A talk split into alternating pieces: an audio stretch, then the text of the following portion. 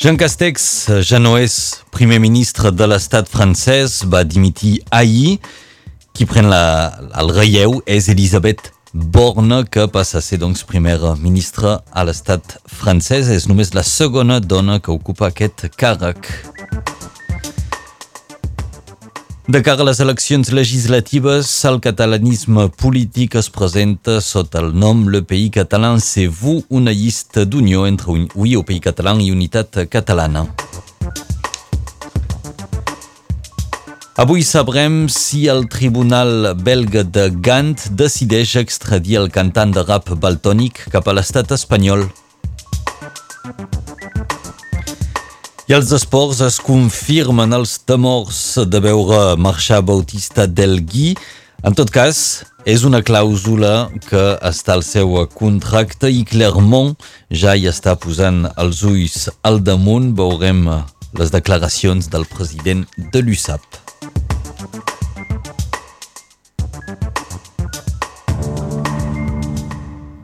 Jean Castex va presentar ahir la seva dimissió com a primer ministre. Era una dimissió anunciada de fa dies, però que haurà trigat a arribar. Finalment, Jean Castex deixa Matignon sense remordiments ni penediments, segons va declarar ahir l'antic batlle de Prada. Castex serà substituït per Elisabeth Borne, una fidel d'Emmanuel Macron, que va ocupar els càrrecs de ministre dels Transports abans de passar per la transició ecològica i solidària i pel Ministeri del Treball. El nomenament d'Elisabeth Borne és històric, ja que és la segona dona a assumir aquest càrrec després d'Edith Cresson al 1992. El catalanisme polític tindrà representació en les pròximes eleccions legislatives dels 12 i 19 de juny. Avui Pays Català i Unitat Catalana s'han unit sota el nom de Le Pays Català, c'est vous, i presentaran candidats a les quatre circunscripcions de Catalunya Nord. Les dues formacions deixen davant de les divergències per formar una candidatura de país. Jordi Berra serà el candidat per Le Pays Català, c'est vous, a la quarta circunscripció.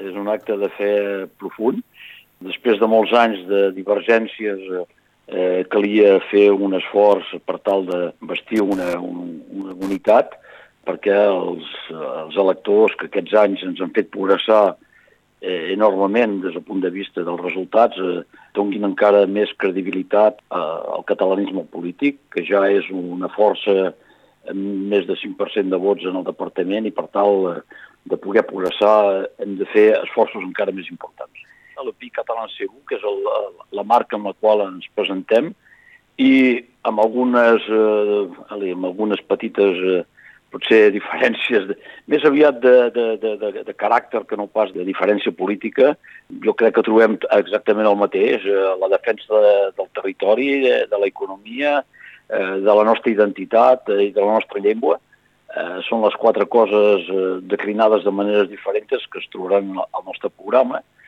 l'única diferència que pugui haver eh, pot ser del punt de vista sintàxica de com es diuen les coses, però si no, eh, essencialment eh, ens hem trobat per defensar les mateixes coses, perquè si no, no hauria estat possible aquest acord. Per tant, eh, no hi ha cap eh, diferència fonamental entre uns candidats i altres, i el que és important és que eh, la gent i l'electorat eh, pugui veure el catalanisme com una alternativa política possible, vàlida i útil, i això és molt important. Ens ho deia en Jordi Berga, candidat a la quarta circunscripció per la llista Le Pays Català C'est vous, formada per Oui au Pays Català i Unitat Catalana. I a l'esquerra, el Partit Socialista s'ha sumat a la nova Unió Popular Ecològica i Social, un pacte firmat a nivell estatal però que costa aplicar a escala local. Segons aquest acord, el Partit Socialista es quedaria sense cap candidat a Catalunya Nord, tot i això, el primer secretari de la Federació Nord-Catalana del Partit Socialista ha decidit presentar-se a les eleccions legislatives del mes vinent. Alexandre Reina, l'exbatlle dels Banys d'Arles, serà candidat a la quarta circunscripció. A principis del mes d'abril, diverses gelades van tocar els cultius de fruita i verdura, un episodi que ha posat alguns agricultors en dificultat després d'haver perdut bona part de la collita. Per això el Ministeri de l'Agricultura francès acaba de desbloquejar 20 milions d'euros d'ajuda d'urgència. Aquest finançament és destinat als pagesos més afectats que ja no poden assumir les despeses immediates per poder mantenir llur activitat. Per rebre aquesta ajuda s'han de fer les demandes abans del 15 de juny mitjançant un formulari que es pot trobar a la web dels serveis de l'Estat.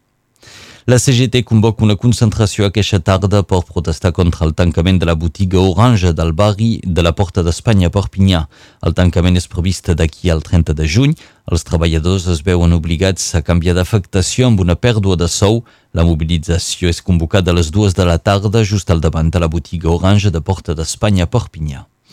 I un accident dramàtic es va produir ahir al matí a Portvendres. Un pagès va morir sota el pes del seu tractor quan es va capgirar mentre treballava en una vinya de, de Cusprons.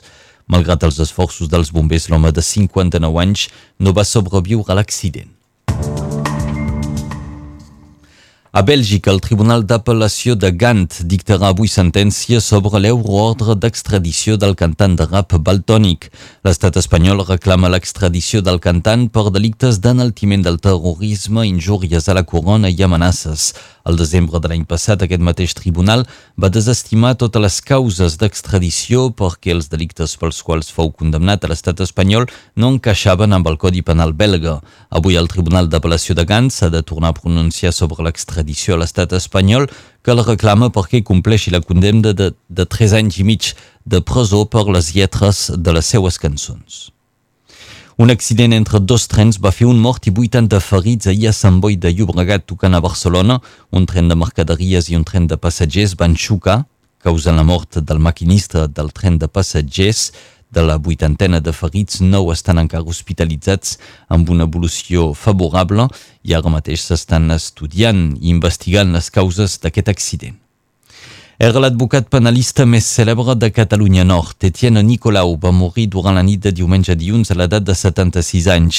Era conegut per haver participat en judicis mediàtics com el de l'assassí de les dues nines d'Elna, Ingrid i Muriel o encara l'afer de les desaparegudes de l'estació de Perpinyà.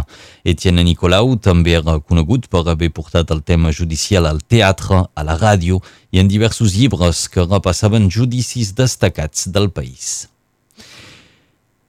Informació internacional des de Mariupol a Ucraïna. Les autoritats denuncien que Rússia ha llançat bombes de fosfor blanc contra la fàbrica d'acer Azovstal poc després de la victòria del país a l'Eurovisió. Azovstal és un dels últims bastions de la ciutat que resisteix a les tropes russes.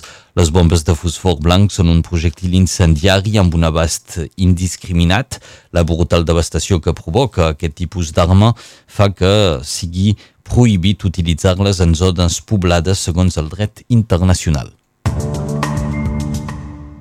Els esports i els rumors semblen confirmar-se a l'USAP. El nou fitxatge argentí Bautista del Gui va arribar al club a inicis d'any i ja estaria a punt de marxar cap a Clermont. El president del club, François Rivière, no ha aconseguit tranquil·litzar els seguidors. Ahir no va voler ni confirmar ni desmentir el contacte entre el jugador i el club de Clermont. Rivière va recordar que el contracte de Delgui té una clàusula que el deixaria lliure segons com l'USAP acabi la temporada. Fins ara Bautista Delgui ha seduït els seguidors usapistes amb 13 partits jugats durant els quals ha marcat 4 assajos.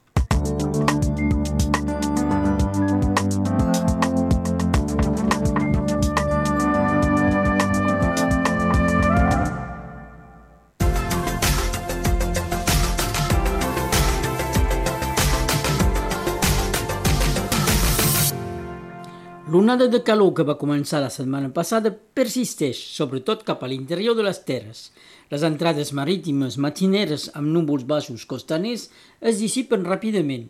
Al litoral i prelitoral la temperatura és més moderada a causa de la brisa de llevant molt present tota la jornada, de fet que la temperatura de l'aigua és encara una mica fresquet. Com a màxim es preveu 23 als Angles i al Bolquera, 26 a Oceja, 28 a Oleta, 27 a Prada, 26 a Corbera la Cabana, 24 a Toulouse, 26 a Elna, 28 també a Arles, 26 a Sant Llorenç de Cerdans, 22 a Banyuls de la Marenda, 27 a Vingrau i a Rasigueres a Folgueroles, a la comarca d'Osona, a la depressió central de Catalunya, 31 graus. És en aquesta localitat que va néixer Jacint Verdaguer el 17 de maig de 1845. Avui, el polític Josep Lluís Carot Rovira té 70 anys. Tal dia com avui, fa 10 anys, va morir la cantant nord-americana Donna Summer. Avui és Sant Pasqual, és el Dia Mundial de les Telecomunicacions.